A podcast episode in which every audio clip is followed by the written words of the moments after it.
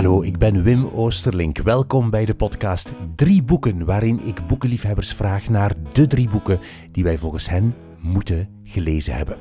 Als je van deze podcast houdt en je wil steunen, koop dan een boekentrui van Drie Boeken. Om je boek overal mee naartoe te nemen. Een ideaal verjaardagscadeau voor een boekenliefhebber. En made in Belgium. Op wimoosterlink.be zolang de voorraad strekt. Abonneer je daar ook op de nieuwsbrief als je dat wil, als je die in je mailbox wil voor boekentips en podcastnieuws. Mijn gast in deze aflevering is Piet Hoebeke, geboren in 1962, uroloog aan het UZ in Gent. Hij is gespecialiseerd in kinderurologie en in urogenitale reconstructie, dus aandoeningen van de urinewegen en de geslachtsorganen. Hij werkt onder meer met transpersonen. Daarnaast is hij ook decaan van de faculteit Geneeskunde en Gezondheidswetenschappen van de UGent. Hij komt vaak in de media, was te zien in de reeks Topdokters en heeft zelf een drietal boeken geschreven. De penis, Gender in de blender en De staat van de prostaat. Ik zocht hem thuis op in Gent. We gingen aan tafel zitten om te praten. Er lagen drie kanjers van boeken klaar. Ik vroeg hem hoe zijn dag eruit ziet. Hij vertelt over zijn werk met transpersonen, hoe verrijkend dat voor hem is. Het gaat over de roman die zijn werk als arts beïnvloedde, misschien zelfs veranderde. Over het boek dat de rector van de universiteit hem aanraadde. En over de deurknop van een beroemd dichter. En op het einde durf ik ook vragen wat het vreemde voorwerp is dat naast zijn televisie staat. Ik, ik zat er al even naar te kijken. Ik was even verbluft en verbijsterd door zijn antwoord. Als je een boek wil bestellen waarover we het in de podcast hebben, doe dat dan liefst via de link op wimoosterlink.be. Zo steun je de podcast. Nog één disclaimer voor deze aflevering. Er zitten heel veel woorden voor geslachtsorganen in deze podcast. Heel veel. Veel luisterplezier met de drie boeken die je moet gelezen hebben volgens Piet Hoebeke. In tijdsverdeling ingenomen ben ik twee dagen per week actief in de kliniek en drie dagen eigenlijk fulltime voor de, de faculteit. Ja. Maar dat loopt een beetje door elkaar. Maar ik opereer één dag bijvoorbeeld nog. Ah ja, één dag. Ah ja, En, en dan consulteren. ja, dat is minder dan vroeger. Ja, als ik heel jong was, opereerde ik vier dagen in de week. Maar je houdt ook niet vol. Hè. Als je 60 wordt, dan kan je geen vier dagen in de week meer werken. Opereren, dat, dat is, vecht zoveel concentratie. Ja, is dat, is dat, is dat zo ja, intens? En, en er is ook zoiets van uh, seen that, been there, done that. Um, soms heb je iets van, ik wil dingen doen die spannend zijn. En één dag in de week lukt dat perfect. Dus ja. ik focus nu vooral op uh, patiënten met intersexe um, en transgenderzorg. En nog wat peniele chirurgie. Dus ik heb vooral zo'n niche congenitale aandoeningen bij kinderen. Dat zijn allemaal zeldzame dingen, maar... En daar ben ik nu vooral aan het proberen om mijn kennis door te geven aan de volgende generatie. Want over zes, zeven jaar zal ik er misschien niet meer zijn, professioneel dan toch. Uh, pensioen, het woord pensioen. Ja, maar afschuwelijk. ja? Is dat? Ja, ja, ja, ik werk zeer graag. Nu, ik kan tot mijn 67 en er is recent een opening gemaakt in Tuzet dat we waarschijnlijk tot ons 70 kunnen blijven werken. Dus ik vind dat prima. Je vindt dat goed, ja. Ja, ik vind dat prima. Je vindt het een soort doembeeld dat je zou moeten stoppen. Ja, maar ik zal dan niet fulltime werken, denk ik, maar zo twee dagen in de week de kliniek blijven doen. Wat ik nu doe, lijkt mij prima. Ja, ja. Grappig, hè? Ja, ja. Ik heb wel andere dingen in het leven die ook interessant zijn. Hè. Dat is misschien wel raar, maar dat je dan zegt, ik wil blijven werken. Maar ik denk niet dat je ineens een overgang kan maken van 100% werken naar nul. Ik denk dat je beter zo'n... Een, trouwens, een naamgenoot van jou, Wim Oosterling, die mij opgeleid heeft. Uh, professor urologie. Ik heb ooit eens een... Sorry, ik, uh, kort tussendoor. Uh, ik heb iets bij, een paar vakken echt bijgestudeerd. En ja. lief heel veel later dan mijn eerste sessie. En toen um, kreeg ik een mail voor professor Wim Oosterling. En dat ging inderdaad over... Um, ja, genitale aandoeningen ja, en zo. klopt. Dat, ik schrok wel even. Nee, hij heeft mij opgeleid en voilà. uh, Willem Oosterling noemde hij. Voilà. En uh, ja, hij heeft ook gewerkt tot zijn zeventigste en heeft vooral de laatste vijf jaar heel veel van zijn kennis dan overgedragen. Vooral de praktische tips en tricks voor chirurgie, want dat is wel, ja, je leert heel veel in je carrière natuurlijk. Ja, Aldoende. Ja. Ja, ja uiteraard. Um, als je, dus je bent uh, letterlijk bezig met de geslachtsdelen van mensen. Hoe, als je zo, zo wordt een operatiedag, hoe ziet die dag eruit? Hoe gaat dat?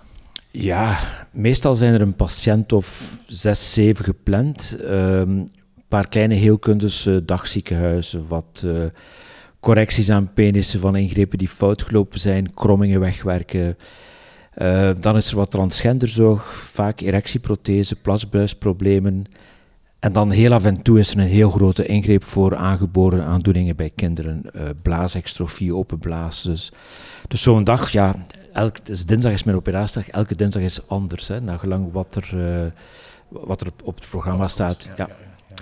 Maar dat is een, voor mij is dat een heel leuke dag. Soms ook wel wat spanning en stress, maar dat vind ik niet zo erg het is vooral een dag waarin dat ik weer die kennis kan overdragen aan, aan de vele jonge collega's die er zijn. Dat vind ik wel zeer interessant. Die dan meedoen? Ja, die meedoen en die je ook een stukje laat doen, die je stap voor stap laat overnemen. Hè. En waarom stress nog na al die jaren? Omdat, ja, omdat, omdat je, onbekend is soms. De, de outcome is vaak onbekend. Hè. Ik bedoel, uh, geneeskunde is geen 100% exacte wetenschap. Je hebt altijd complicaties en dat vind ik zelf dat met ouder worden complicaties moeilijker te dragen zijn. Ik bedoel, als je jong bent, ga je er misschien wat vlotter mee, mee weg, maar naarmate jij complicaties bij patiënten opstapelt in je rugzak, wordt die altijd maar zwaarder en zwaarder. Maar je bedoelt als, als, als, als, als chirurg? Ja, bedoel, je weet, als je een ingreep doet, ik ga een voorbeeld geven. Als je een erectieprothese plaatst bij een transpersoon, heb je 10% kans dat er een infectie optreedt en dat die er weer uit moet. Sorry, maar jij even, wat is een erectieprothese? Een toestelletje om een erectie te kunnen maken in de... De fallus is eigenlijk een, een penis die we maken bij transmannen. Ja. Dat is natuurlijk geen penis, het is iets wat erop lijkt. Okay. Om het te doen functioneren zoals het moet functioneren, moet je er een erectieprothese in plaatsen. Maar daar is het risico op infectie 10%. Dus weet dat je bij 1 op 10 het ding er weer moet uithalen, wat dan voor die patiënt weer heel lastig is, want voor hem is dat 100%. Voor mij is het 10%. Ja. Maar als ik 10 keer 10% is ook 100%. Dus je, ik blijf wel zo het, het, lastig hebben met complicaties. Ik heb dat altijd eigenlijk gehad. En, en op zich is dat goed dat je daar niet uh, achterloos mee omgaat. Wat ik wel geleerd heb, uh, dat opkroppen heeft ook geen zin. Ik heb ooit eens, um, ja, een jaar of 10, 15, nou, het zou 10 jaar geleden zijn, waren op vakantie in Israël en ik kon niet slapen. Ik kon niet slapen op vakantie. En door met mijn, mijn man en mijn vrienden te beginnen praten, is dan duidelijk geworden, ja, je zit daar wel met die, je zit daar met iets. ik heb toen beslist om een tijd geen transgenderchirurgie te doen, omdat voor transgenderchirurgie is heel complicatiegevoelig. En ik heb geleerd dat door erover te praten, intervisie, hè, door met elkaar te praten over wat doet dat met jou, dat dat heel veel helpt. En Dat is eigenlijk een belangrijk... Uh, onder collega's, onder familie? Onder collega's en met familie en met vrienden. Maar onder collega's is dat heel belangrijk. En in de opleiding geneeskunde hebben we zo een... Vanaf jaar één van de opleiding organiseren we intervisiemomenten met studenten. Dan moeten ze vier keer per dag, vier keer per jaar, sorry, mhm. samenkomen en met elkaar gevoelens delen van oké, je hebt nu stage gelopen in, in een woonzorgcentrum, wat heb je daar ervaren? Ja, ik heb een dementerende dame gezien, heeft dit en dat en dat met mij gedaan. En, en dan moet je daar met elkaar over reflecteren. Ik denk dat dat goed is, omdat het opkroppen van al die zaken heeft eigenlijk weinig zin. Ja, dus je hebt geleerd van dat het werkt om dat echt te uiten en zo. Ja, je moet, je moet... Je bent geen hero, hè? je bent niet iemand die uh, boven alles... Je staat niet boven de natuurwetten, je staat niet boven de immuniteit, boven de infecties, daar sta je allemaal niet boven. Dus je bent ook een beetje deel van de realiteit om zich. En je moet dat aanvaarden en door daarover te spreken, kan je dat beter aanvaarden. We hebben nu morbidity en mortality staffs. Dus als we morbiditeit, ziekte veroorzaken, of mortaliteit, als we de dood veroorzaken, dat gebeurt ook, hè, mhm. Moeten we daar met elkaar even over hebben. Niet in een blame cultuur van we gaan elkaar nu eens uh, de schuld geven. Nee, wat kunnen we daaruit leren om te voorkomen dat het nog eens voorkomt? Dus dat is een beetje... En welke gevoelens heb je daarbij? En ja, die gevoelens, hoe ga je daarmee om? Ja, uh, Lig je wakker s'nachts? Ja, dat, dat is heel erg, maar door erover te praten lig je misschien wat minder wakker s'nachts. En door eens met een collega te praten, dus dat, uh, ja, dat helpt. Van. Ik heb dat ook meegemaakt, ik heb dat zo opgelost. Zo, ja. Oké. Hier liggen drie dikke boeken klaar, toch? Ja. Kijkt schuldig. Ja. Lees je liefst dikke boeken? Of? Ja, ik, ik wandel graag in boeken. Ik, ik, ver, ik verwijl graag in boeken. Dat is zoiets van... Ik begin daaraan, ik lees, ik lees. En ik, ik lees veel s'avonds, ik lees veel in mijn bed. ehm, tot wanneer ik in slaap val. Dus ik lees mijzelf in slaap. En ehm, ja, ik vind die wandelingen door hele lange boeken... En soms ben ik ook de draad kwijt. Maar dat vind ik niet zo erg. Als je dan een beetje aan het opnieuw lezen bent, pak je de draad wel weer op. Hè. Maar betekent wandelen dat je ook, terug, ook echt letterlijk terugkeert? Ja, soms of keer ik eens terug. Ja, Maar ik, ik probeer meestal door te stappen, door het boek te stappen. Maar ik heb graag een, een, een, een, een dik boek, omdat ik... Ja, korte boeken eh, kunnen ook wel goed zijn. Maar dat is vooral voorbij. Hè. Ik heb eh, vorig weekend Verschuivingen van Stefan Hertmans gelezen, wat een heel, goed hè? heel goed essay is. Maar op een paar uur ben je er door en dan denk je van, het had nog langer mogen duren. Dus, ja, dus in die zin heb ik graag dikke boeken. Maar zelfs als dikke boeken tot een eind komen, heb ik zoiets van, het is al gedaan. Allee. Ja. En waarom dan? Omdat je zo... Nee, ik zou zeggen, omdat je in de personages kruipt. Maar als je dat bij verschuivingen van Stefan Hermans, daar zijn geen personages. Nee, ook, zijn geen personages. Maar hier ga je echt in de personages mee. Hè. In, in, in, in deze boeken ga je mee in de personages.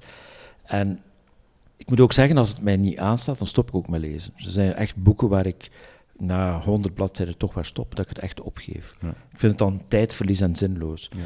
Maar deze boeken heb ik allemaal eh ten gronde Doet gelezen. met plezier. Oké, goed. Wel, vertel eens, wat is jouw eerste boek?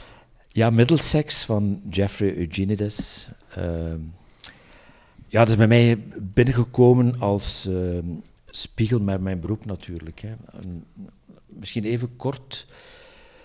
Er is heel veel in dat boek. Het gaat over Detroit, het gaat over een familie die migreert van ehm, het Grieks-Turks conflict eh, naar, naar Detroit. Maar het gaat vooral over Calliope, dat is de hoofdpersoon. En die heeft een 5 alpha reductase deficiëntie. Dat staat daar niet in, maar ik ken dat. Ik ken dat, omdat dat een, een aandoening is die ik... eh, ik heb zelf patiënten met die aandoening. Wat is het eigenlijk? Het is een... ehm, ik ga nu heel, mijn woorden heel goed wikken. Hè. Dus het is een 46XI-individu. Het is een geprogrammeerde jongen die niet in staat is om testosteron om te zetten tot dihydrotestosteron, het actieve bestanddeel van testosteron, waardoor die als baby, als foetus, niet normaal mannelijk ontwikkelt. En eigenlijk geboren wordt met vrouwelijke geslachtskenmerken. Lichtjes afwijkend, maar niet heel afwijkend. Dus heel vaak, zoals Calliope, worden deze kinderen geslacht toegewezen meisje. Maar eigenlijk zijn het geen meisjes. In die zin, ze hebben teelballen in hun buik zitten. Ze hebben geen baarmoeder, eh, ze hebben geen vagina, of een heel klein stukje vagina maar. En bij de puberteit zie je dan een heel hoge productie van testosteron. En dan gaat die testosteron, ondanks het feit dat die niet omgezet is in dihydrotestosteron, toch zijn werk doen. En ze gaan dus in, in de puberteit mannelijke kenmerken ontwikkelen. Ze krijgen baard, de stem zakt. En qua identity, qua gender identity, gaan ze ook beseffen van ja, ik ben toch niet het meisje wat men van mij gemaakt heeft. Ik, wil eigenlijk een, ik, ben, een jongen, ik bedoel, ik ben een jongen. En dan zie je, dus dat is, heel, dat is heel het verhaal, hè, want Calliope wordt dan uh, op de leeftijd van 14 jaar bewust van het feit dat zij niet is zoals de andere meisjes. Hè. Ze, ze beschrijft over uh, haar clitoris dat die veel groter is, dat er een plasgaatje op uitmondt, dat die bij seksuele opwinding die ze ervaart bij meisjes, hè, ze denkt dan dat ze lesbisch is, dat, ze daar, uh, dat dat ding groter wordt en dan vraagt ze wat is dat nu? En dan wordt ze uiteindelijk in Amerika onderzocht door een arts. en dat is heel, ik weet als ik dat las, de manier waarop die arts onderzoekt is dusdanig um, empa empathieloos, empathieloos, moet ik Ja. het zo noemen, Ja, oké. dat het eigenlijk heel pijnlijk wordt. En ik herken dat voor een klein stukje. Uh, men staat er vaak niet bij stil in mijn beroep, dat het tonen van genitalia en het onderzoeken van genitalia, dat dat geen evidentie is. Hè. wordt heel vaak bij vrouwen een vaginaal onderzoek gedaan. Uh, madame, leg u maar een keer uw benen open, de vinger erin en gedaan. Dat, dat is, niet, dat is verschrikkelijk. Dus, en dat, is hier, dat gebeurt hier ook. Uh, ze krijgt een, een speculum in haar stukje vagina ingeschoven. Speculum is heel koud en, en zij beschrijft heel erg goed hoe, hoe confronterend en hoe verschrikkelijk dat aanvoelt. Dus dit boek was van begin tot einde voor mij een beetje een spiegel van, oké, mensen die door dat parcours gaan, mensen die intersexen zijn, wat beleven die? Ik vind dat Eugenides dat op een ongelooflijke manier beschrijft, hoe die, hoe die gevoelens van die mensen zijn. Mhm. Naast dat episch verhaal van die familie. Hè. Het gaat ook over uh, de grootouders van Calliope, waren broer en zus, die waren getrouwd met elkaar. Haar ouders waren uh, neef en nicht. Mhm. En veel van de patiënten die wij zien, komen ook uit zo'n huwelijk van uh, neven en nichten. Hè. Dus ja. Daar zit iets. Ja, genetisch. Het is een recessief gen. Als je dan twee keer recessief samenbrengt, krijg je dominant. En dan krijg je dus.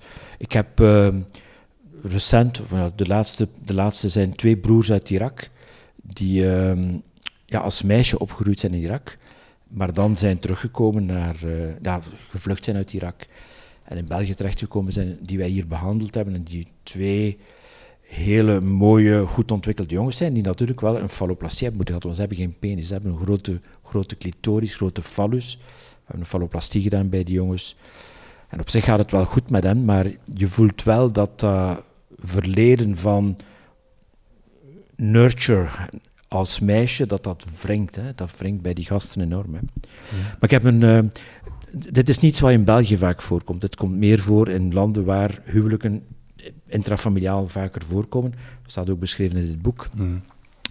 Ehm, en, en ja, wij zien die patiënten. Hè, die zitten natuurlijk bij de vluchtelingen en bij de mensen die... omdat zij ook die medische zorg niet kunnen krijgen in het thuisland. En, en dan kan je zeggen, oké, zijn dat dan de fameuze gelukzoekers? Ik, ik zeg altijd gelukzoeker als ik zelf met deze aandoening in... Uh, Syrië of waar zou leven, ik zou wel op zoek gaan naar waar kan ik mij laten helpen. Hè. Dat, is een, ja. dat is een beetje geluk zoeken, maar ik vind dat niet zo erg. Mhm. Wanneer heb je dit boek gelezen? Ik denk in 2000 ongeveer. Dus uh, ik was toen al uh, ja, bijna 15 jaar actief. Hè. Dus, uh, en heeft dat toch nog iets, ja, het heeft wel iets veranderd in ja. hoe dat je... Ja? ja, het heeft mij toch die spiegel voorgehouden van probeer toch meer in het hoofd van die mensen te kruipen om die empathie naar die mensen toe ook duidelijk te maken. Ik heb in dat verband een. Uh, ik ben heel veel bezig met, met uh, gender non-conforming youth. Dus eh, jongeren die zich niet helemaal thuis voelen in het gender dat hen toegewezen is. En er is een heel mooie publicatie. Tien zaken die transgender jongeren willen dat hun artsen weten over hen. En dat is misschien. En dat is, dat is heel belangrijk. Dat zij eens zeggen. Wat willen zij? Zij willen dat je aanvaardt dat zij gender non-conform zijn. Ze willen hebben dat je de genitalia en, en alles wat ermee te maken heeft met heel veel zorg en heel behoedzaam onderzoekt. Ze willen erkenning over uh, medicatie die ze moeten nemen. Uh, ze willen ook hebben dat je dat is een heel, heel expliciet in de publicatie. Uh, als ik depressief ben, moet je niet denken dat dat komt door het feit dat ik gender niet conform ben, maar door het feit dat de maatschappij niet aanvaardt dat ik niet genderconform ben. Dat is een beetje de, de hele filosofie. Dus die spiegel die dat artikel dan heel veel later geeft, heb ik in dat boek eigenlijk voor het eerst al teruggevonden. Ik dacht van, ik moet meer in het hoofd van die mensen proberen kruipen. En dat boek is ideaal om in het hoofd van, van Calliope te kruipen en hoe ze dan uh, verandert naar jongen en probeert dan die, die, die gender omschakeling te doen. Ja. Je hebt ergens, want nu, dit is eigenlijk het, het empathische stuk als het ware. Je hebt ook, ik heb jou ergens horen of zien vertellen, of lezen vertellen, dat um, ook echt de praktijk als arts, dat wat je doet met mensen veranderd is sinds. Ja, absoluut. Er is um, vanuit activisme, en het activisme niet negatief bedoeld, bij heel wat intersexe personen die als kind geopereerd zijn als baby. Als ik 30 jaar geleden intersexchirurgie deed, deed ik dat in de eerste levensweken van een patiënt. Dat wil zeggen, een kind met een onduidelijk geslacht, daar konden wij niet mee leven. Dus we wouden dat onmiddellijk in een, in een hokje steken en we opereerden naar dat hokje toe. Heel typisch, meisjes met congenitale dat is een heel frequente aandoening binnen intersex. Meisjes die te veel mannelijk hormoon gezien hebben voor de geboorte, hebben een hele grote clitoris, de schaamlip balzakplooien gaan samen smelten tot een soort van balzakje. Ehm, wat deden wij? Ja, we maakten die clitoris kleiner, onmiddellijk, dus een clitororeductie noemt dat. En we, we maakten een genitaal dat er als een genitaal van een vrouw uitzag. Nu, nogal wat van die patiënten hebben ons nadien, niet ons, maar er zijn dus heel wat groepen, activistische groepen opgekomen, die zeggen, jullie hebben ons mishandeld, jullie hebben ons genitale gevoeligheid weggenomen. Jullie hebben ons niet toegelaten om zelf te beslissen wat we met onze genitalia willen. En ik heb daar oren naar. Ik heb daar oren naar en ik, ik begrijp dat eigenlijk zeer goed. Dat, uh, een anekdote is een meisje van 21 met een hele grote clitoris door die aandoening en een vagina die niet toegankelijk was. Die kwam bij mij voor een operatie. En ik zei, ja, ik kan ook jouw clitoris verkleinen als je dat wil. Ik wil dat helemaal niet, zei ze. Ik vind het helemaal fijn zoals hij nu is. Dus wij mogen niet beslissen dat een grote clitoris dat dat een belemmering is voor goede seksualiteit. Maar, dus er is een, een ban, ja, een soort van verbod op chirurgie bij hele jonge kinderen. Ik volg dat dus. Wij hebben ook de laatste jaren heel weinig, quasi geen kinderen meer geopereerd. Maar we worden geconfronteerd met een nieuw fenomeen. En een beetje het fenomeen wat hier in dit boek ook aanwezig is. Namelijk dat je een kind laat opgroeien met atypische genitalia. En dat voor dat kind die confrontatie daarmee, dat dat bijzonder lastig is. En die confrontatie is de maatschappij natuurlijk. Hè. En, en heel typisch, hoe ga je een meisje met een piemel naar school sturen? Hoe, hoe gaan de, ja, hoeveel angst heb je niet als, als jouw dochter met een piemel op school zit? Ja, dat is nu eenmaal de realiteit. En het is een vijf, zestal jaar dat we die policy hebben van niet vroeg te opereren. Maar nu hebben we dus een aantal kinderen die zelf aangeven dat ze dat niet willen. Zelf aangeven dat ze geen piemel willen. Dus ik heb uh, meisjes die we met een grote clitoris laten rondlopen hebben, die nu vijf, zes jaar zijn en zeggen van, ik wil dat niet. En dan kan je vragen van, in welke mate is nu op vijf, zes jaar een informed consent? Kan je een informed consent geven? En dan weeg je af tegenover hoe verantwoord is het om dit kind nu nog tien jaar te laten rondlopen met iets wat het niet wil. Hè? En, eh, anekdotisch, heel typisch. Ehm, ik heb zo'n meisje die zei, ik zei, wat wil je zelf? Ik wil een plat Mieke. Mijn Mieke moet plat. Het klinkt heel, heel...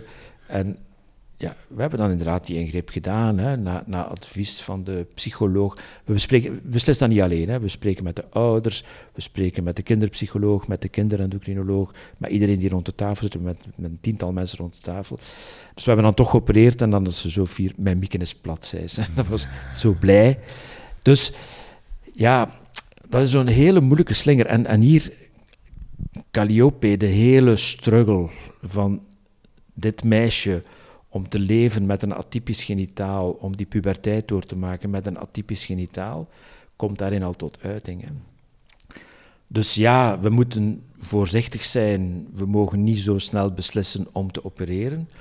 Maar wij moeten die kinderen wel op de beste manier opvolgen en, en zo goed mogelijk proberen in te schatten van wat wil dat kind nu zelf? En vanaf wanneer vind je het verantwoord dat een kind daar zelf over beslist? En ik moet u eerlijk zeggen, zes jaar vind ik eigenlijk geen probleem als ik dat gesprek met dat kind gehad heb en als de kinderpsycholoog mij bevestigt, oké, dit is onhoudbaar voor dat kind, onhoudbaar voor de ouders. Ja, de schade die niet opereren dan gaat opleveren is waarschijnlijk veel groter uh, dan de schade van te opereren.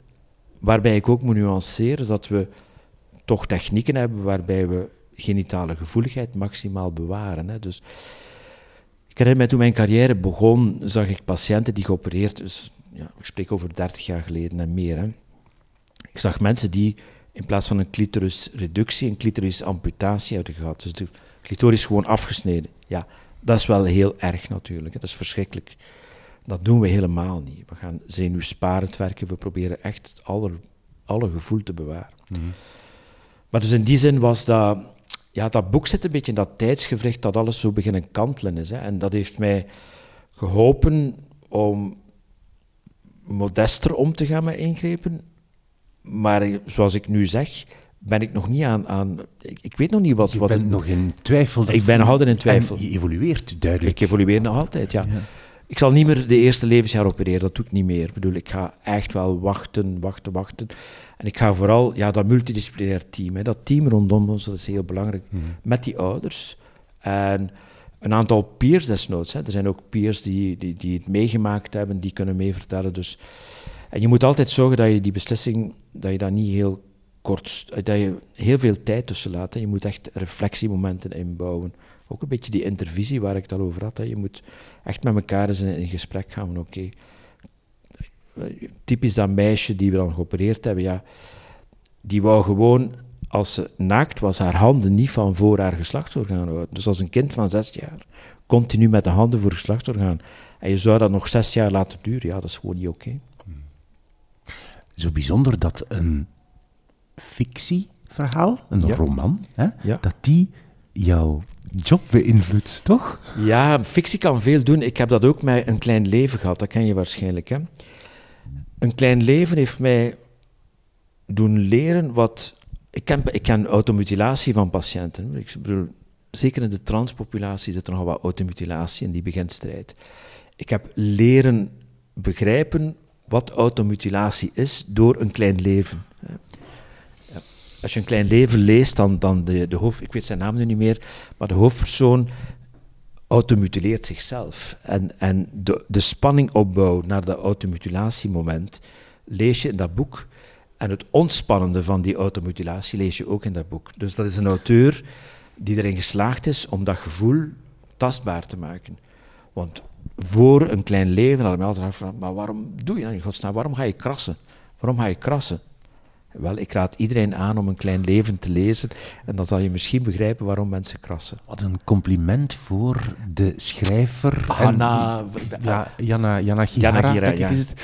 En, uh, en voor Jeffrey ja, absoluut, absoluut. Die mensen... Die mensen ja, je vraagt je altijd af, als je dan zo'n fictie schrijft, hoeveel opzoekingswerk doe je dan? Ja, ik denk dat je daar heel veel werk voor doet. Hè.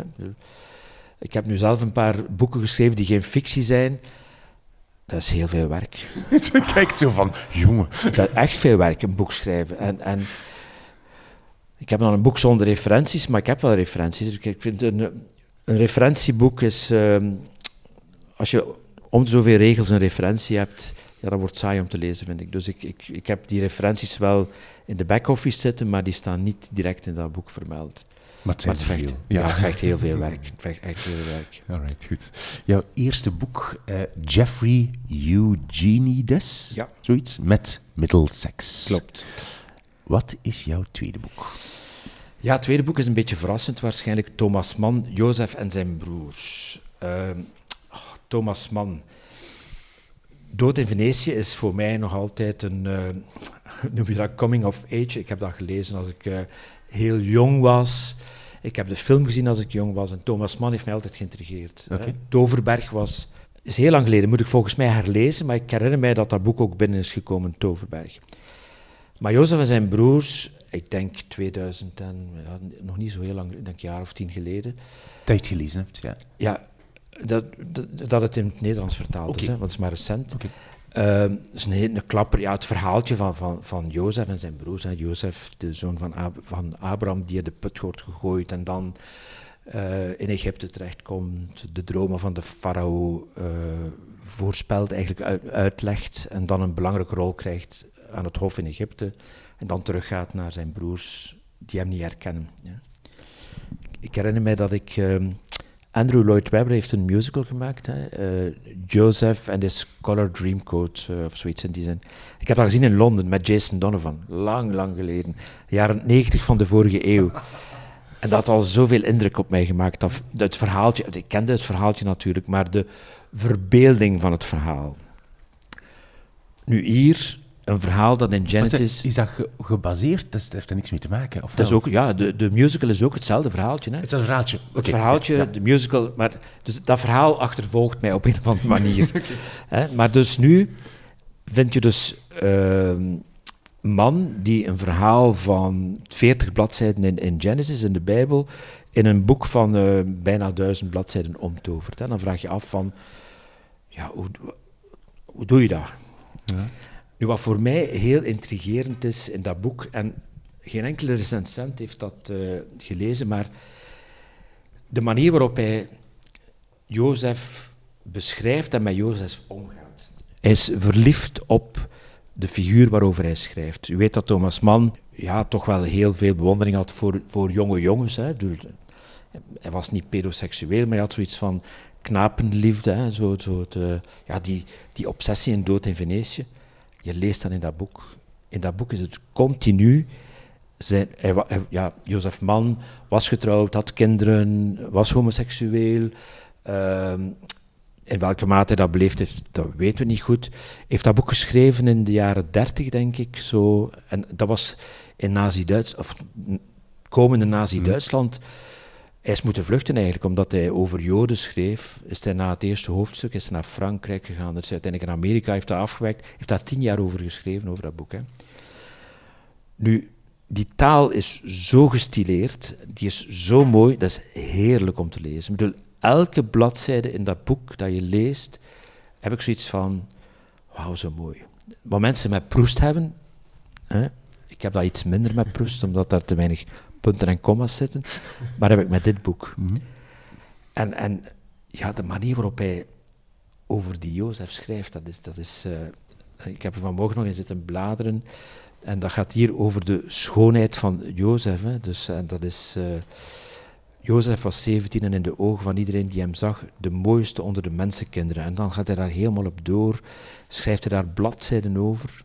Wat heeft hij hier geschreven? Dat heb ik ook nog. De wereld van anekdoten is vol van verhaaltjes hoe als vrouwen verklede jongens mannen het hoofd op hol brachten en meisjes in mannenkleren de hartstocht van seksgenoten deden ontvlammen. Hij, schrijft dus continu, hij zit dus continu op die erotiek en die seksualiteit te schrijven. Zelfs als Jozef dan in Egypte aan het hof van de farao een belangrijke rol, dan nog schrijft hij vol bewondering. Hè. Jozef heeft dan een relatie met uh, de, de vrouw van Potifar, denk ik, of die is verliefd op hem. Hè. De vrouw van de farao is verliefd op je, omdat Jozef zo schitterend mooi is uiteindelijk. Hè. Maar dat is een heerlijk boek. Dat is echt een heerlijk boek. Je, zei dan, je wou net zeggen van, van wat geen enkele recensent schrijft. Wat ja, je? De recensenten schrijven, grijpen nooit terug naar Dood in Venetië. Hoe dat een, een, toch een beetje eenzelfde thematiek is van bewondering voor de schoonheid van een adolescent. Want daar gaat het eigenlijk over. Ja. Dus die, die Jozef, zijn adolescentenleven is, is over honderden bladzijden beschreven. En, en is uh, fantastisch mooi. En er zijn nog mooie verhalen. Hè. Er is het verhaal van uh, de geboorte van Benjamin, zijn jongste broer, die dan de dood van uh, de, de, de, moeder van Benjamin sterft in het kinderbed. En dat is een hele. Het is, ik zou zeggen, iedereen die graag leest, leest het boek. Dit is, dit is het absoluut mooiste boek wat je kan lezen, volgens mij. Ja, ja dat is echt, dat is echt, dat is zo'n een, een smelt, die smelt, waar dan niet roman, maar dat is zo'n mooi boek, zo'n mooi maar boek. ik zie jou weer smelten voor ja, mij ik, Echt waar, ik ben, ik ben gek van dat boek. En ik denk, ik, ik plan om het opnieuw te lezen, want... Hm. Het is ook zo'n wandelboek. Hè. Ik bedoel, ik, en zelfs als ik zo af en toe eens dat boek neem en een paar bladzijden terug opsla en terug begin te wandelen, ben ik weer mee in het verhaal. dus Het, is, uh, het is echt wel mooi. En wat je zei van zo, de coming of age van Dood in Venetië, was dat voor jou zelf persoonlijk ook zo een, ja. iets? Of, of, Ja, ik denk dat ik... Uh, ja, ik ben zelf homoseksueel en ik weet dat heel lang. Uh, ik weet dat heel lang. Ik, weet dat van, ik heb daar als kind zelfs herinneringen aan. Maar ik weet als ik dan de film Dood in Venetië zag en ik zag dan die, die, die, ja, die adoratie van die oudere man voor die knaap op dat strand, dan begreep ik dat eigenlijk wel. Ik begreep dat wel. En het is niet dat ik nu zelf uh, naar, naar knapen zit te kijken of zo, daar, daar gaat het hem niet over. Maar ik begrijp wel wat die. Trouwens, Marieke Lucas Rijneveld, die, die ken je, dat is uh, trouwens ook super, lieve gunsteling. Ik raad iedereen aan om dat te lezen. dat is, ik had het misschien ook nog als boek kunnen kiezen. Hè. Uh, maar Marike Lucas Rijneveld, een trans jongen. En zij zegt zelf, ik ben een trans jongen, ik wil geen trans man worden. Zij wil eigenlijk knaap blijven. Ah. Als geboren meisje, zij heeft heel die fase doorgemaakt. Hè. Ze heeft dus uh, ja, als meisje beginnen publiceren, maar is dan uh, trans, ja, eerst misschien non-binair en dan uh, transjongen. En ergens zegt ze van, ik wil geen man worden, ik wil eigenlijk jongen blijven. En, en ik kan me daar zoiets in, in inbeelden. Natuurlijk, ik weet, mijn eigen puberteit, dat is niet, niet, niet de makkelijkste periode van mijn leven, denk ik.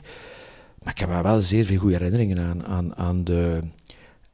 Ik ga misschien iets heel zeggen, maar de mannelijke ontplooiing van je lichaam, ja, dat is wel iets waar je als, als jongere en als adolescent ehm, kan van genieten, denk ik. En dan vind ik het heel spijtig als ik dan zie hoeveel jongeren te dik zijn, bijvoorbeeld. Dan vraag ik me af van, zorg toch voor dat lichaam. Hè. Je krijgt een kathedraal mee van de natuur. Uh, houd, hem, houd hem gezond en houd hem mooi. Kathedraal van een lijf. Ja, maar ja, dat, is ook zo. bedoel, ik heb zelf ook wel uh, daarmee een beetje gestruggeld, want ik heb ook wel wat overgewicht gehad, maar ik heb daar nu hard aan aan het werken om dat kwijt te geraken. ik ben het eigenlijk al kwijt, maar ja. Maar je moet, ik, ik vind dat, ja... En of dat dan jongens of meisjes zijn, eh, in deze boeken en wordt dat heel mooi beschreven over een knapenlichaam en dood in Venetië.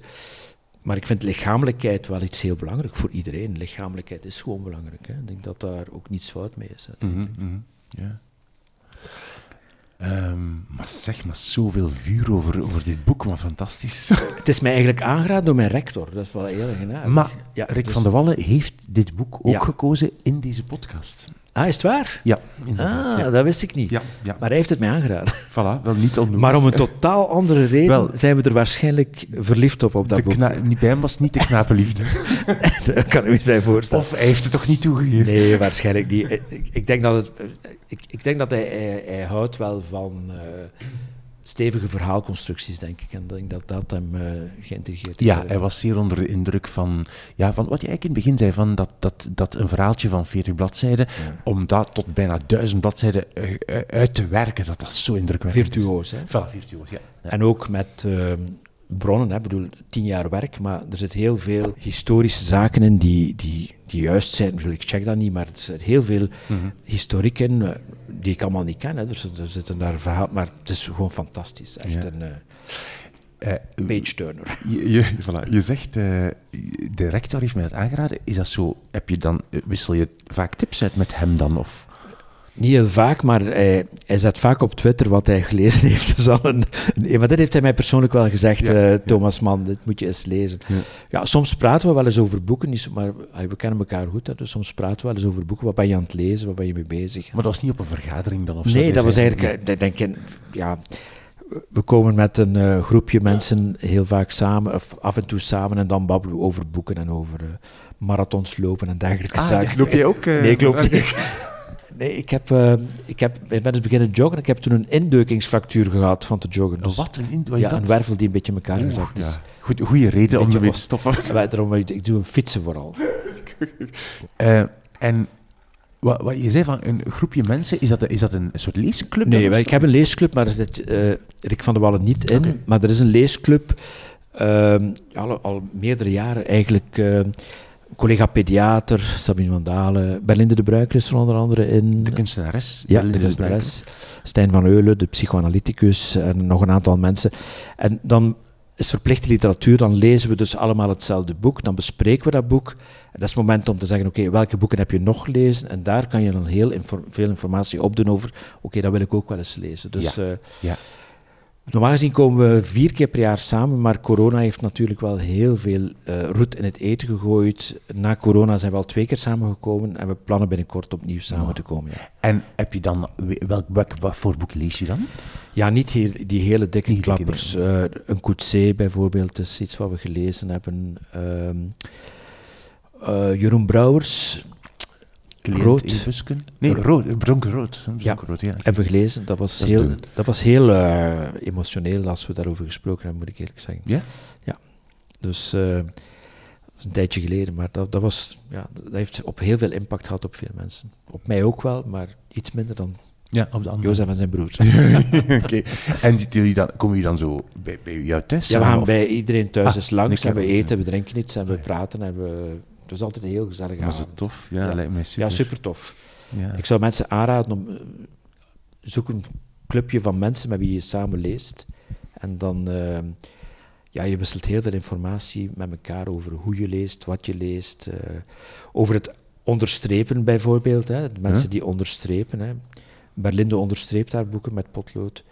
Als ik dan een boek van haar krijg om te lezen, vind ik het afschuwelijk. Want ik, ja, ja, je leest wat, wat zij onderstreept natuurlijk, en dat mag je niet doen. Maar ik heb dat ook. Ik heb zoiets van, ja, maar nee, maar wacht, niet onderstrepen. En, je mag wel onderstrepen, maar je moet ze niet doorgeven, de boeken, want dan, ja. dan ben ik ben dan helemaal in de war, omdat ik denk van, Maar vond jij dit nu het belangrijkste dan? Van deze, ik snap het niet. Ja, je, je, het is zoals, een, zoals je een cursus highlight met een fluostift. Dat doe je omdat je dan sneller kan erdoor gaan. Ja. Als je een boek krijgt dat geannoteerd is, dan doe je net hetzelfde. Dan ga je er snel door. Goed, Dat, is niet goed. hè. Nee, nee, nee. nee. Linde, stop daarmee. Ja. Allee, je mag maar. Maar dan niet meer uitleden. Nee, nee, nee. Oké. Jouw tweede boek, ehm, Thomas Mann, Jozef en zijn broers. Ja. Wat is jouw derde boek? Maar ik heb er toch gedichten bij gehaald van Constantin Cavafis. Ehm, gedichten omdat ik gedichten... Ja, ik lees gedichten. Dat is misschien heel ouderwets, maar ik lees wel gedichten. Ik heb hier en daar gedichtenbundels liggen en ik vind het eh, zo'n rustpuntje in, in een drukke dag, een gedichtje. Dat is een, een, En eentje. Dus ik wil zeggen, of een paar of zo. een paar. Ja. Ik meestal een boek en lees ik er een paar. Ja. Maar Cavafis die heeft mij ehm, van mijn stokken geblazen op een bepaald moment. Ik kende hem helemaal niet. Hij is ook illuster onbekend. Ik bedoel, hij is eh 1800 en zoveel geboren, gestorven in 1930. Was homoseksueel, maar ja, niet, weinig praktiseerd, niet gehuwd. ehm, maar heeft een aantal ongelooflijke gedichten geschreven. Vertaald door Hans Warren, zo dat ik eigenlijk opgekomen ben. Hè. Dus een, een Nederlandse vertaler. Ehm, en ik heb al die gedichten gelezen en die zijn ongelooflijk mooi. En, en er zijn er een paar die heel illuster zijn. Ehm, hij heeft eentje over Ithaca. Over de, dat, is, dat is heel bekend. Dat is voorgelezen op de begrafenis van Jackie Onassis, Kennedy. Dus ook daar weer. Hè. Dus Ithaca is echt zo de... Toen ik dat las, dan dacht ik van ja, dat is het leven. Hè. Dat is het leven. Hè. Dus, eh, je- Wil je het voorlezen? Of, eh? Ah, ik, wil, maar ik, nee, ik- ik kan misschien wel een stukje voorlezen. Dus het gaat over de reis. Wens, dan, wens dat de weg dan lang mag zijn. Dat er veel zomermorgens mogen komen waarop je heel dankbaar, heel blij onbekende havens zult binnenvaren. Dat je mag pleisteren in de Fenicische handelssteden om mooie dingen aan te schaffen, van parelmoer, koraal, barnsteen en ebbenhout, en opwindende geurstoffen van alle soorten, opwindende geurstoffen zoveel je krijgen kunt, dat je talrijke steden in Egypte aan mag doen om veel, heel veel van de geleerden op te steken. Dat is over het leven. Hè? En dan, ik zal een stukje overstaan, maar dan, Ithaca schonk je de mooie reis. Bestond het niet, dan was je nooit vertrokken. Maar meer heeft het je niet te bieden. En vind je het armzalig, Ithaca bedroog je niet. Zo wijs geworden, met zoveel ervaring, heb je al door waar Ithaca's voor staan. Dus Ithaca's staan voor het leven. Hè. Dus eigenlijk zegt hij in dat gedicht, ja, het leven eh, biedt zich aan aan jou met zoveel mogelijkheden. Probeer die dan toch maximaal te benutten. Hè. Ik bedoel, eh, met je ogen open leven. Hè. Zoveel mogelijk absorberen van schoonheid, van warmte, van alles wat er is, van, van liefde. Probeer zoveel mogelijk te, te, te vatten. Dus dat is een eerste, dat is een, dat is een heel mooi gedicht, Ithaca. Mhm. Ehm, nu, ik heb een anekdote over, over Cavafis. Ehm, ik ben, we zijn eens met vrienden in Egypte op een dayabé gaan varen met Alain Fouquet. Alain Fouquet, lang overleden, was een Franse adelman die ook Egyptoloog was. En die had zo'n hele oude schuit, zo'n boot, een houten boot waarmee je op de Nijl kon zeilen. Die stopte op plekken waar niemand stopte. Die toonde je dan allerlei dingen. Dus ik heb die man heel goed leren kennen. En we zijn eens uitgenodigd bij hem in Frankrijk. En hij heeft daar een mooi, mooi kasteel. En hij had de deurklopper van de deur van het huis van Constantin Cavafis. ja, stel je voor hè, dat je zo... Je komt bij iemand en dan zie je daar een, een plexiglas met door... oh ja, het, het, was in het Frans, maar ik weet niet wat er stond. Dat is de klopper, het handje waarmee je aan de deur klopt van Constantin Cavafis. En dan komt het wel heel dichtbij, hè, dat zo'n man echt bestaan heeft en dat hij dat die er is. Ja. En weet je nog waar hij dat vandaan had? Of zo? Nee, hij had dat ergens, eh, dat, dat was een heel, dat was een heel bijzondere man, die, die eh, Alain Fouquet. Hij had het ergens op een, op een, op een oude markt ge- ge- gevonden en hij had het... eh, Als een deurgang, ja. nu, die, eh, wat hij ook heel heeft, is dat... Ja, dat ver- verlang ik had toch een, eentje wat ik... Het is helemaal niet bekend, maar ik denk dat hij ja, relaties gehad heeft met, met mannen, evident, denk ik. Maar de manier waarop hij terugkijkt in de tijd. Hè, en, en grijze, dat is het, de titel. Het staat er ook in het Grieks, maar ik kan dat Oud-Grieks kan ik lezen, maar Nieuw-Grieks niet. maar de vertaling. Ik ga het toch even lezen. Kijkend naar een half grijze opaal herinnerde ik me twee mooie grijze ogen die ik heb gezien. Het zal twintig jaar geleden zijn. Eén maand lang hadden we elkaar lief. Toen ging hij weg, ik mee naar Smyrna, om er te werken en we zagen elkaar nooit weer. Dof zullen, als hij nog leeft, de grijze ogen geworden zijn. Zijn mooi gezicht zal verwoest zijn. Herinnering, bewaar ze zoals ze waren. En herinnering, breng mij vanavond wat je kunt, al wat je kunt van die liefde terug. Dus iemand die nostalgisch blijft hangen in zijn verleden. En ja, ik vind dat een heel sterke emotie. Ik bedoel, ik, ik, doe dat zelf niet. Ik, bedoel, ik probeer niet naar een ideaal van het verleden terug te gaan. Maar ik kan mij voorstellen als homoseksueel in de jaren 1860 en meer, alles clandestien, dat je dan daar, daar ja, beelden van begint te maken. Hè. Die, die, die hele vroegere liefdes, dat je die meedraagt in de toekomst en altijd maar groter en groter maakt. Zo, vind ik dat hij schrijft. Maar ik vind het heel mooi. Hè. Dus hij heeft echt heel mooie gedichten over de liefde mooie gedichten over geschiedenis. Dat is eigenlijk een, uh, een van mijn favoriete dichters, moet ik eerlijk zeggen. Prachtig. Je zei dat je uh, dicht, altijd dichtbundels hebt rondslingeren. Ja. En wat ligt er dan zo? Waar, waar ligt, ligt, dan hier of zo? Ja, hier ligt er waarschijnlijk, maar ik moet dan meer gaan zoeken. Oh my god, maar ik had eigenlijk heel die tafel vol met boeken nog niet eens goed gezien. Ja, ja, maar ik zou moeten kijken waar er ligt. Uh, maar waar liggen, dus vertel eens waar jouw boeken liggen. Dus hier liggen er? Ja, hier liggen allemaal boeken die nog te lezen zijn of al half gelezen zijn. er zijn ook half gelezen boeken. En in mijn uh, bureau, bibliotheek, heb ik uh, heel veel boeken. Hè. Daar staat, ze zijn zeer slecht uh, gerangschikt. Ik bedoel, ze staan door elkaar. Ik weet ze staan, maar ze staan niet alfabetisch, Bewust? niet volgens thema.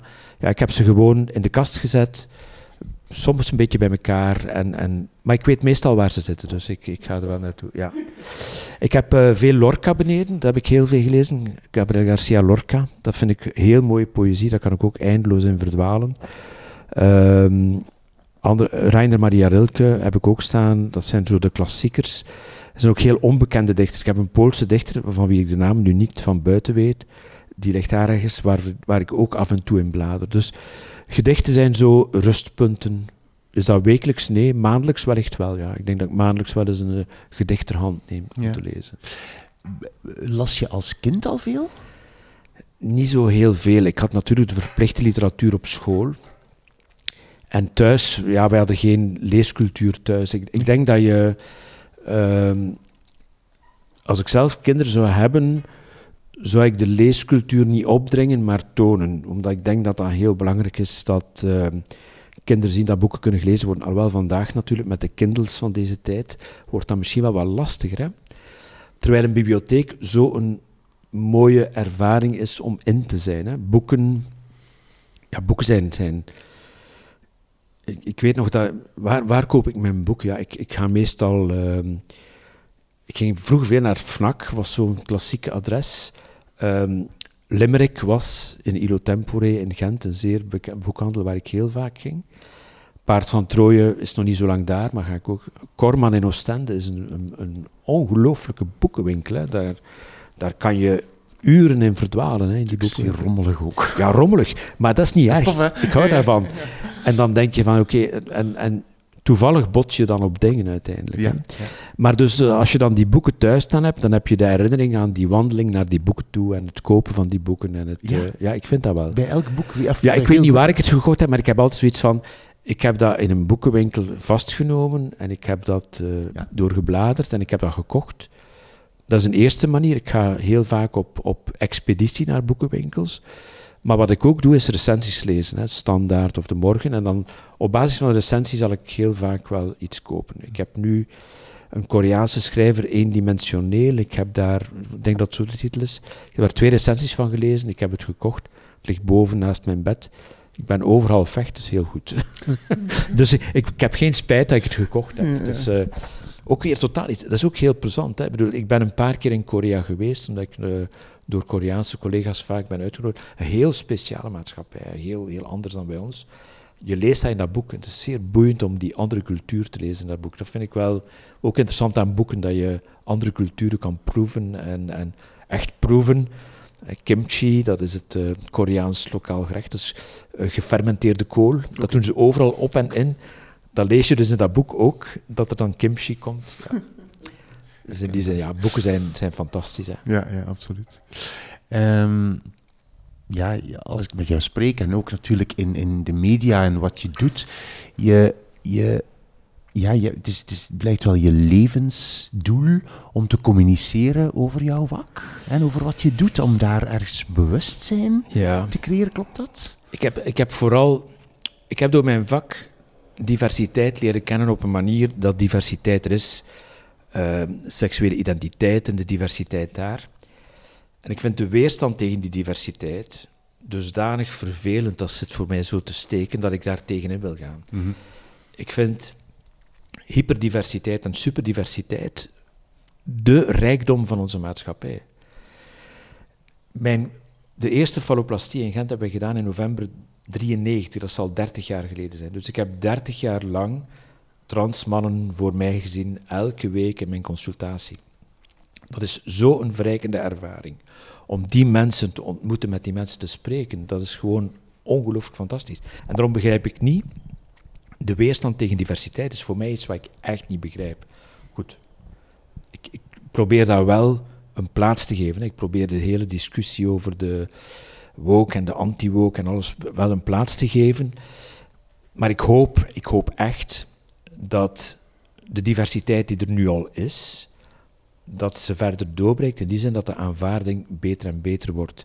En ik ben daar zeer optimistisch over, omdat uh, recente studies, uh, onder andere de Verenigde Staten en de UK, tonen dat van de millennials en de generatie Z bijvoorbeeld, tot 20% zich niet als, ik ga nu een vreselijk woord gebruiken, cis-heteronormatief beschouwt. Hè. Dat is ik een vreselijk woord. Hè. En je moet er ook blank niet cis-heteronormatief zijn.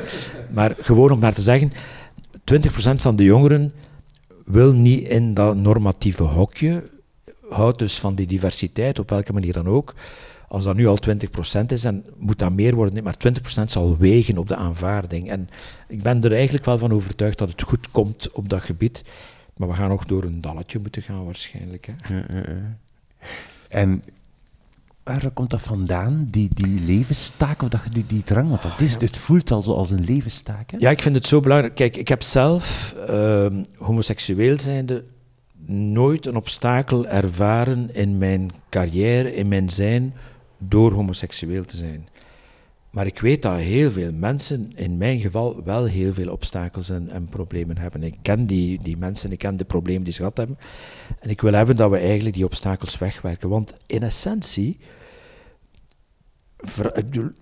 of iemand is wie hij is, zijn eigen zijn wil zijn, desnoods in een relatie met een andere, die daarvoor zijn consent geeft, what's the problem? What's the problem? Ik, ik snap het gewoon niet. Dus ik probeer nog altijd maar te overtuigen dat die diversiteit daar is, dat ze ook geen ideologie is, want men wil ons geloven dat, er, uh, dat we de diversiteit maken. De diversiteit is gewoon. Hè. Seksuele diversiteit. Er is voldoende wetenschappelijke literatuur die aantoont dat diversiteit er gewoon is. Zowel biologisch als door nurture, door nature, hormonen, hersenen, alles speelt een rol. En dat verhaal brengen en de mensen daarvan overtuigen is voor mij extreem belangrijk. Extreem belangrijk. En een tweede uh, calvarietocht die ik doe, is het, normatieve proberen terug te brengen. Dat gaat dan, ik heb een boek geschreven over de penis. Hè. Dat is uh, weetjes en kneepjes voor dagelijks gebruik. Dat is ingegeven bij mij door de ervaring dat heel veel mensen, dat vooral jongeren, heel foute beeldvorming hebben van wat normaal is. Hè. Dus het, het, normale, bedoel, er wordt zoveel gefocust op uh, lengte van de penis en al die zaken, waardoor er, er is heel veel beeldmateriaal van, van pornografie die ongefilterd binnenkomt, waardoor men een totaal dystoop beeld krijgt van wat de realiteit is. En dat resetten is voor mij wel heel belangrijk. Hè. Bedoel, van, probeer toch eens naar het normaal terug te gaan. Dus dat zijn twee van die uh, zaken waar ik niet over zwijg. Dat vooral blijven doen. Ehm, wil jij jouw drie boeken nog eens herhalen voor mij? Wat was jouw eerste boek? Ja, eerste boek was Middlesex van Jeffrey Eugenides. Ja, twee. Tweede boek Thomas Mann, Jozef en zijn broers. En drie. En derde Gedichten van Constantin Cavafis. Ja. Dankjewel voor jouw drie boeken. Met plezier. Moet ik nog één ding vragen?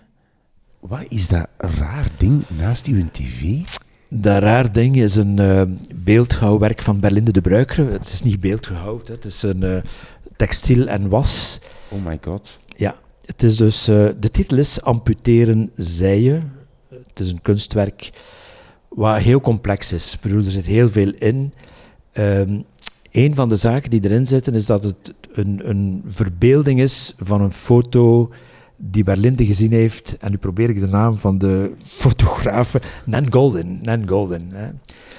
Nan Golding heeft, heeft een, uh, een, foto van Bruce After Coming. Dat is een van haar lieven die na het klaarkomen in zijn bevuilde lakenslag. En dat is een inspiratie geweest voor, voor dat kunstwerk. Ah, vandaar het, het, laken met zo wat vlekken op. Ja, de vlekken op het laken. En dan ligt daar een fallusachtig symbool bovenop. Hè. Iets, iets fallusachtig. Uh, je kan het, het lijkt geamputeerd. Ja, het lijkt geamputeerd, ja. een stuk been of zo, ja. maar dan krom. Het lijkt, uh, ja, mijn poetsvrouw heeft het er heel moeilijks mee, maar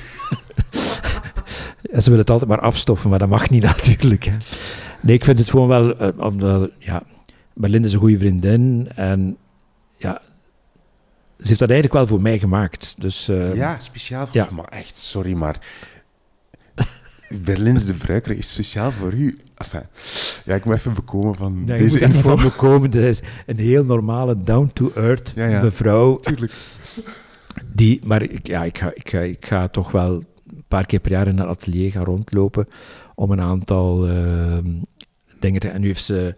Nu is ze bezig met die arcangelo's, hè, die, die mooie engelenbeelden, die eigenlijk geïnspireerd zijn op corona. Hè. Dus in corona had zij een kunstwerk gezien van Giordani, denk ik. Een schilderij waarin een soort van troost in het omarmen door een engel. En nu is ze met die arcangelo's. Een bijzonder boeiende kunstenares. Allee, zeg tegen de poetsvrouw dat ze voorzichtig is. ik zal dat doen. Niet stofzuigen. Dankjewel voor je Met plezier. Dit was mijn gesprek met Piet Hoebeke. Ik heb nog wat staan kijken naar het kunstwerk van Berlinde de Bruiker. Ik zet de foto wel eens op de Instagram van drie boeken. Drie in letters geschreven underscore boeken. Hoe heerlijk toch om iemand met zoveel liefde en passie over boeken te horen praten. Wil je een van de boeken bestellen die je gehoord hebt in deze aflevering en het lukt niet bij je plaatselijke boekenwinkel? Doe het dan via de link op wimoosterlink.be. Daar vind je alle boeken waarover we het hebben in de show notes van deze aflevering.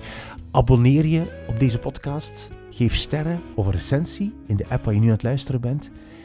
En als je mij echt een plezier wil doen, laat dan vandaag of morgen aan twee vrienden of vriendinnen weten dat ze ook eens naar deze aflevering moeten luisteren. Twee, daar doe je mij een groot plezier mee. Ik ben Wim Oosterlink. Dit is de podcast Drie Boeken. Dankjewel voor het luisteren en voor het delen. En tot de volgende keer.